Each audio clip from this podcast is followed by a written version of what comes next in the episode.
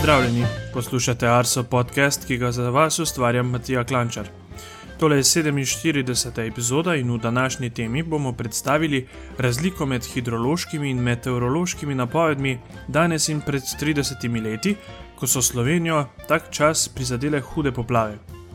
Naročite se na naš podcast, v stik z nami pa lahko stopite preko elektronskega naslova podcast.arsoafnago.si ali preko družabnih omrežij. Na Twitterju smo Meteosi, na Facebooku pa smo Arso Vreme. Vremenska uganka. V prejšnji oddaji je bila uganka povezana z meteorološkimi baloni. Zanimalo me je, do katere nadmorske višine se dvigne meteorološki balon, preden poči. Če vzamemo podatke, ki jih je izpostavil naš gost, se balon dviguje približno eno uro s hitrostjo od 4 do 5 metrov na sekundo. Ocenimo lahko, da je višina, do katere se balon dvigne, okoli 15 km. Tokrat pa me zanima naslednje. Katera izmed naštetih hidroloških postaj se ne nahaja na reki Savini? Lahko se odločate med postajami Solčava, Luče, Nazarje ali Letuš. Odgovore na današnjo vremensko uganko nam lahko tudi tako kot ponavadi zapišete na Facebook, na Twitter ali pa jih pošljete na naš elektronski naslov podcast.arso.afna.gov.si. Osrednja tema. Letos miniva 30 let od hudih poplav, ki so prizadele velik del Slovenije. Takrat še nismo poznali interneta, kot ga poznamo danes. Informacije so v svet prišle večinoma preko tiskanih medijev, radia in televizije. V tem času se je ogromno spremenilo tudi na področju analize in pa napovedovanja meteoroloških in hidroloških vsebin. V tokratni osrednji temi se bomo dotaknili poplav izpred 30 let in preverili, kako se, kako se je v tem obdobju spremenilo napovedovanje na področju vremena in voda. Pri odgovorih mi bodo pomagali današnji gostje, klimatolog Gregor Vrtačnik in prognostika z področja voda in vremena, Janez Polajnar in Brane Gregorčič. Pozdravljeni vsi skupaj. Pozdravljen. Živijo. Uh, dogodki, ki sem jih opisal v uvodu, so že res kar oddaljeni, pa vendar verjamem, da ima vsak izmed nas uh, kakšen dogodek, ki se ga spominja na takratne izredne razmere. Lahko delite kaj s poslušalci? Brane, mogoče za začetek. Ja, jaz kot starejša generacija sem seveda takrat bil že aktiven meteorolog, prognostik, tako da uh, se tega dogodka še spominjam.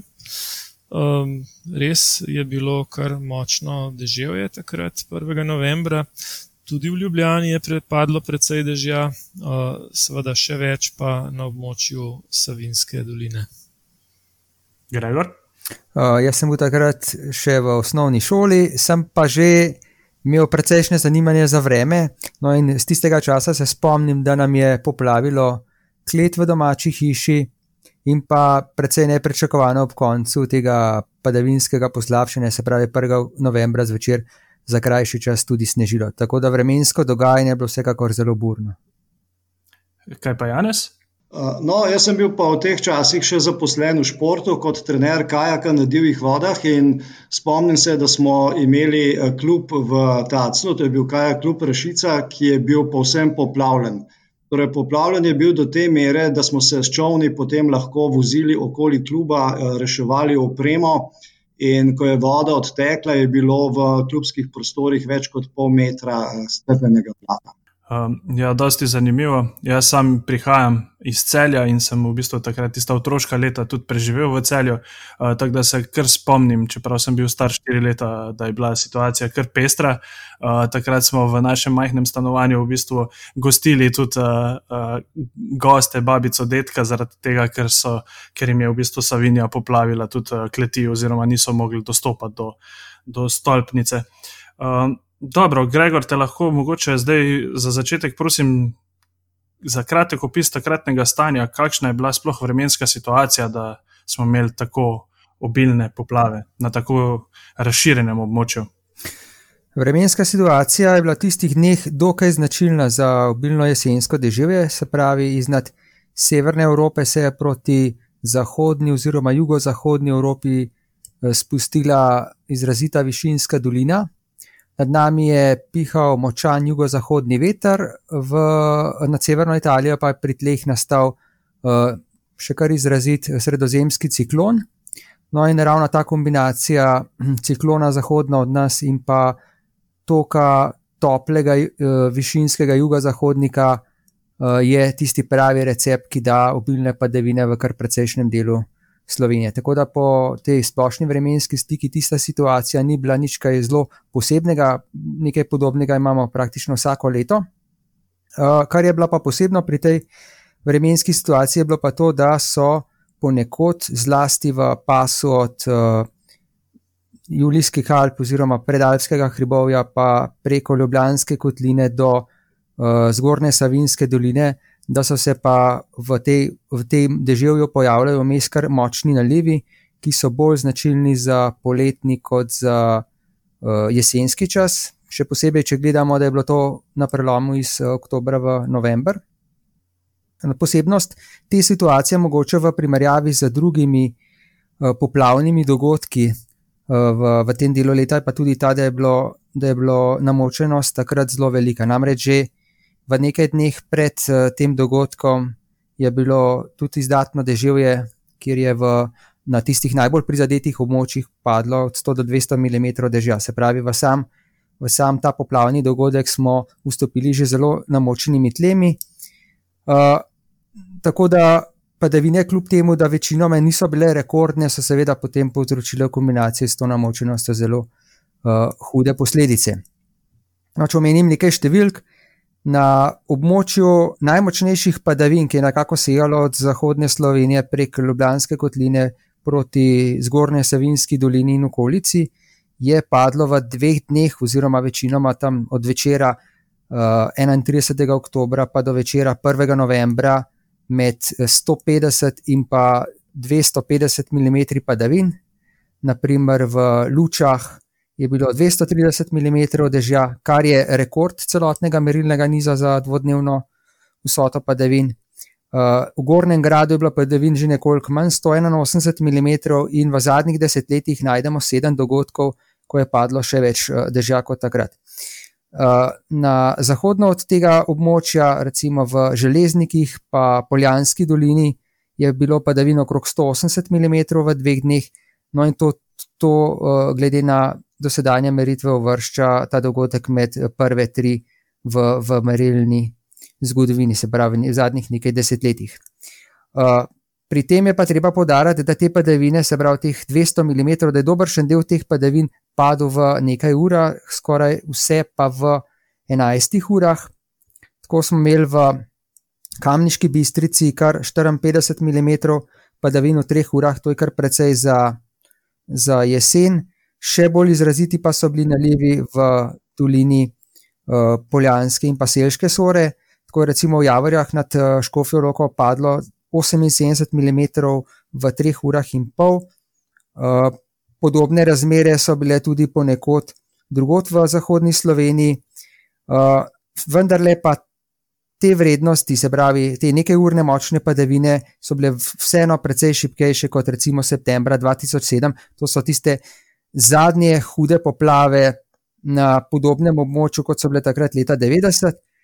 Uh, takrat pa je ponekod v eni uri padlo tudi 100 mm dežja, kar pomeni, da je bil tak karakter uh, teh padavin uh, leta 90 vseeno malce bolj umirjen, kot je bil recimo v poplavah sredi septembra 2007. Če se vrnemo sedaj za teh 30 let nazaj v samo obdobje napovedovanja vremena in pa uh, hidrološke situacije, kako ste se lotili včasih takšne uh, meteorološke prognoze brane?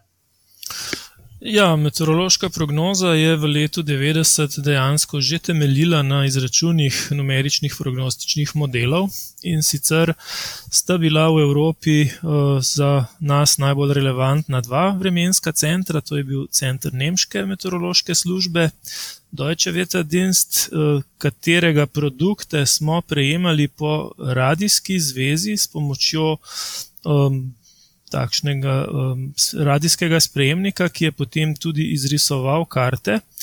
Uh, bili smo pa kot uh, del Jugoslavije tudi člani Evropskega centra za srednjeročno vremensko napoved, uh, to pa je zdaj vodilni svetovni center. No in že takrat smo njihove produkte dobivali v v bistvu digitalni obliki in jih vizualizirali, ampak treba se je zavedati, da resolucija teh modelov, tako nemškega kot evropskega, v tistem času je bila seveda bistveno drugačna kot je sedaj.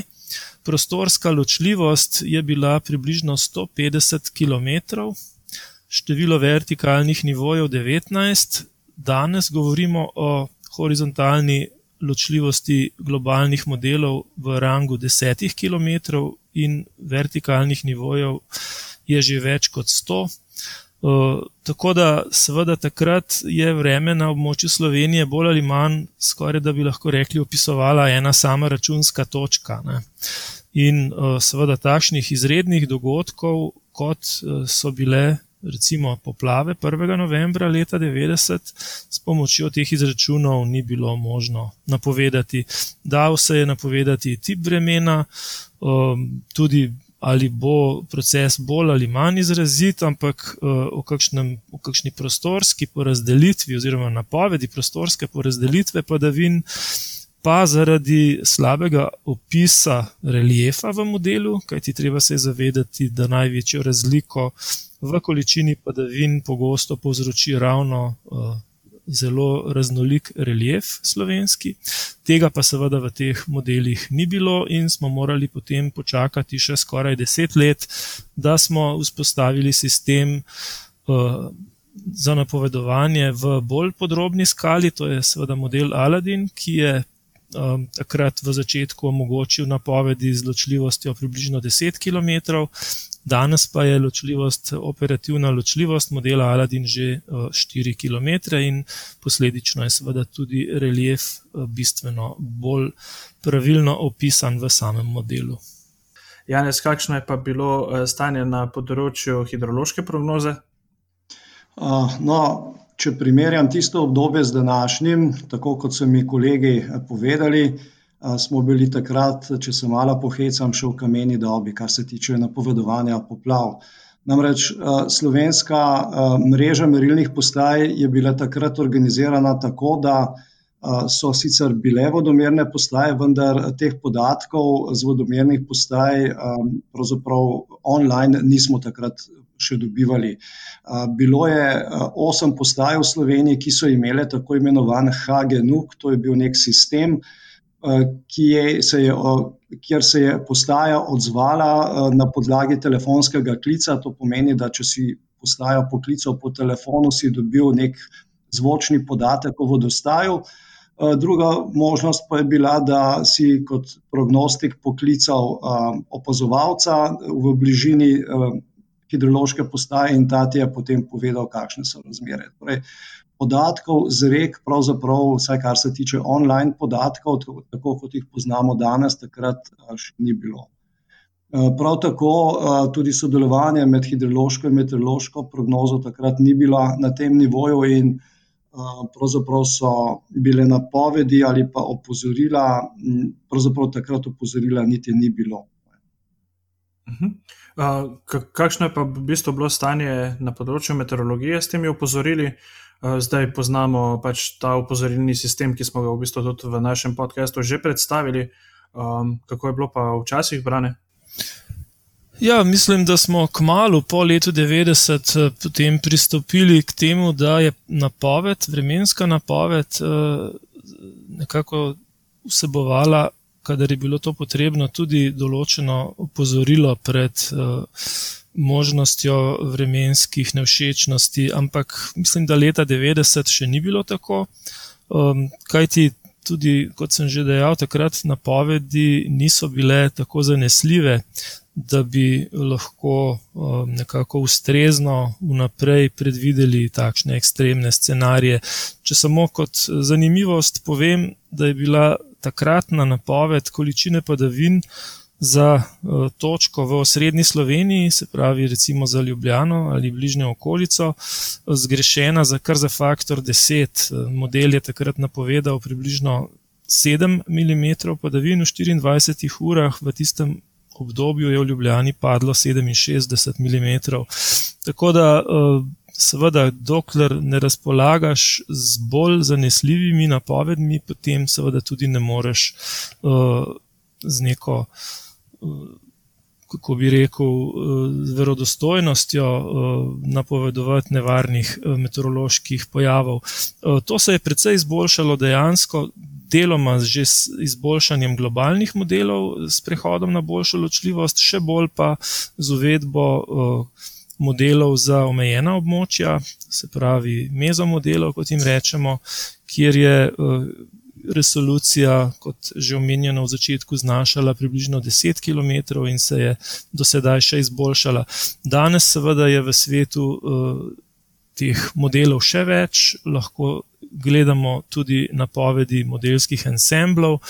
Ki jih dobimo tako, da malce variramo za same začetne pogoje, in potem lahko govorimo tudi o verjetnosti za določene um, pragove, količine padavin ali pa, če hočete, jakosti vetra in še drugih parametrov.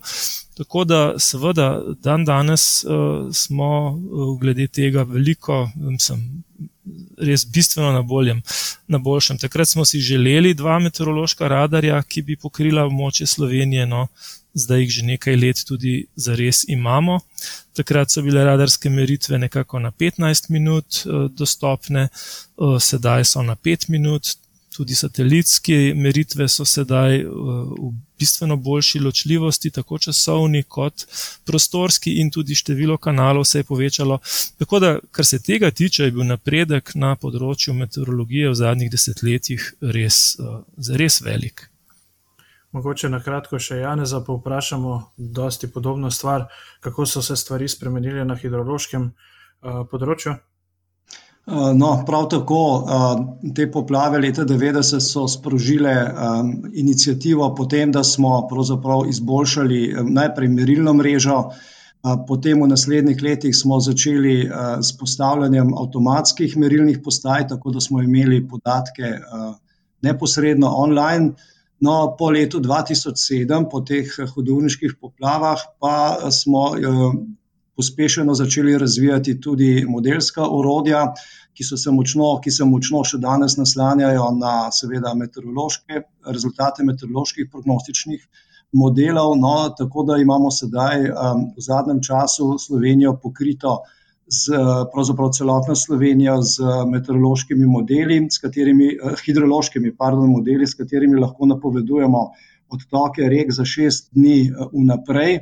Um, smo pridruženi tudi v različnih združenjih uh, evropskih, uh, ki se ukvarjajo z napovedovanjem poplav, to je to se pravi v sistemu, evropskem sistemu za napoved poplav. Uh, In seveda, močno smo izboljšali tudi samo organizacijo hidrološke prognostične službe. Eh, kar se tiče eh, našega dela, imamo sedaj tako, da delo poteka vse dni v letu in tudi v tej poletni sezoni, to se pravi, v, kot pravimo, konvektivni sezoni, takrat, ko je možnost, da so za hudurniške poplave večja, pa so hidrologi, prognostiki eh, tudi 24 ur v pripravljenosti. To pomeni, da želimo ravno s tem organizacijskim in pa seveda s tehničnim eh, prispevkom, kar se da zmanjšati eh, možnost, da bi nam takšen dogodek obse večjega obsega ušel izpod nadzora in da ga ne bi uspeli zaznati in seveda opozoriti pravi čas.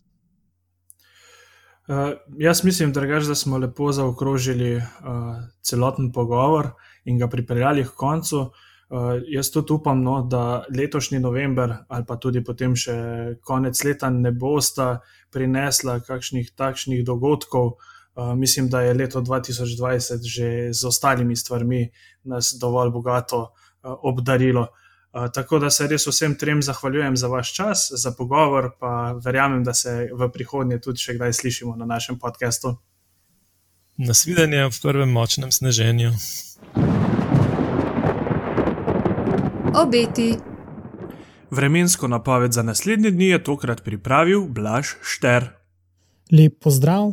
Ja, zadnji dnevi ob koncu oktobra in začetku novembra so bili suhi in v večjem delu Slovenije tudi precej topli za ta čas.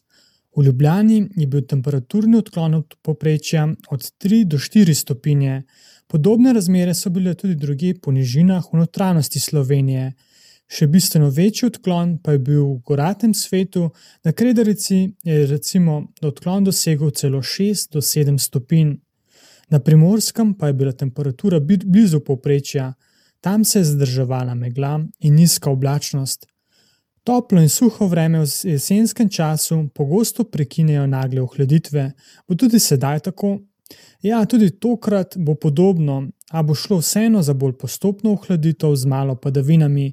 Za kakšen dan ali dva bo tudi podpovprečno hladno, a odklon ne bo velik. Dnevna temperatura bo okoli 5 stopinj, zjutraj pa bo marsikje tudi prva slana. Poglejmo širšo sliko. Od Iberskega polotoka pa vse do Rusije se danes razteza vremenska fronta. Bolj globoka ciklonska območja so daleč na severu Evrope, na delom Atlantika pa je obsežno območje z visokim zračnim tlakom, ki pa bo eden pomembnejših vremenskih sistemov in bo v naslednjih dneh v precejšnji meri tudi vplival na vreme pri nas. Danes, se pravi v sredo, nas je že dosegel vpliv hladne fronte, pooblačilo se je, zapihal pa bo tudi severovzhodnik. V notranjosti Slovenije bo občasno rahlo drževalo, količina padavin pa bo majhna, nekakšen milimeter ali dva, morda na severovzhodu do 5 mm, marsikje pa bo ostalo suho, predvsem na primorskem, kjer bo plitvo oblačnost posušila burja, ki pa bo večinoma šipka. Tam se bo vreme ob pretekli vlagi, ki je bila prisotna, precej izboljšalo, pričakujemo delno jasno vreme, druge pa bo dan dokaj siv s temperaturo od 11 do 14 stopinj. V sredo se bo iznad zahodne Evrope proti srednjemu delu celine razširil obsežen anticiklon. Njegovo središče pa se bo ob koncu tedna pomaknilo tudi bliže našim krajem. Tudi to pomeni, da smo s padavinami za ta teden opravili. V četrtek se bo tudi v notranjosti postopno jasnilo, najkasneje na jugovzhodu, ker prav dosti sonca še ne bo. Dnevna temperatura pa bo kljub razjasnitvi za kakšno stopinjo nižja kot v sredo, saj bo v višinah dotekal vse hladnejši zrak. Burja se bo nekoliko ukrepila, vetrovno pa bo tudi na notranjskem, štajerskem in v pomorju. V noči na petek se bo zrače z izjemo primorske in višjih leg umirilo, noč bo jasna, v višinah pa bo zrak precej suh in razmeroma hladen. To pa so ob precej dolgih nočeh idealni pogoji za radiacijsko ohlajanje. Petkovo jutro bo tako razmeroma hladno, tudi po nižinah v notranjosti bo marsikje okoli nič stopinj, v nekoliko hladnejših legah bo šlo še nekoliko podladišče. Nastopila bo prva slana, kar pa je v novembru, seveda ni nič neobičajnega. Nastopila bo teden ali dva kasneje, kot je to ponavadi. Tudi ob koncu tedna bomo imeli precej sončno vreme s hladnim jutrom. Ponovno, marsikaj pričakujemo slano, zlasti v soboto. Po nižinah bo nastala megla. Postopno bo tudi nekoliko topleje. V nedeljo bo po nižinah najvišja dnevna temperatura okoli 15 stopinj. Suho in stabilno vreme pa se bo nadaljevalo tudi v začetku prihodnega tedna, saj do srede bo ostalo suho. Se pa bo znova nekoliko ukrepil vzhodni tok, kar pomeni, da lahko po nižinah v notranjosti nastane nizka oblačnost. Največ sonca pa bo ob takih razmerah ob burji na primorskem. Po trenutnih napovedih nas bo v drugi polovici prihodnega tedna znova dosegla hladnejša zračna masa. Vremenske zanimivosti. Za konec pogledajmo vremenske zanimivosti od 19. oktobra do 1. novembra. Najvišja temperatura je bila izmerjena na postaji Črnomel Dobliče, zadnji dan oktobra smo izmerili 22,7 stopinje Celzija. Najnižjo temperaturo smo izmerili na postaji Kredarica. 19. oktobra se je živo srebro spustilo do minus 5,5 stopinje Celzija. Tudi najhitrejši sunek vetra smo izmerili na Kredarici. 23. oktobra je pihalo s hitrostjo 119 km/h. Največ padavin v enem dnevu je tokrat padlo na postaji Kanin. 27. oktober smo izmerili 77,2 mm padavin. Najbolj sončna postaja v obdobju preteklih 14 dni je bila postaja Maribor Vrbanski plato. Skupaj je sonce sijalo 69 ur in 45 minut. Tokrat imamo dve postaji z najbolj sončnim dnem. 31. oktober je na krvavcu in na listi sonce sijalo 9 ur in 27 minut. Hvala za vse odzive, poslušanje in pozornost. Obilo lepega vremena in se slišimo čez 14 dni.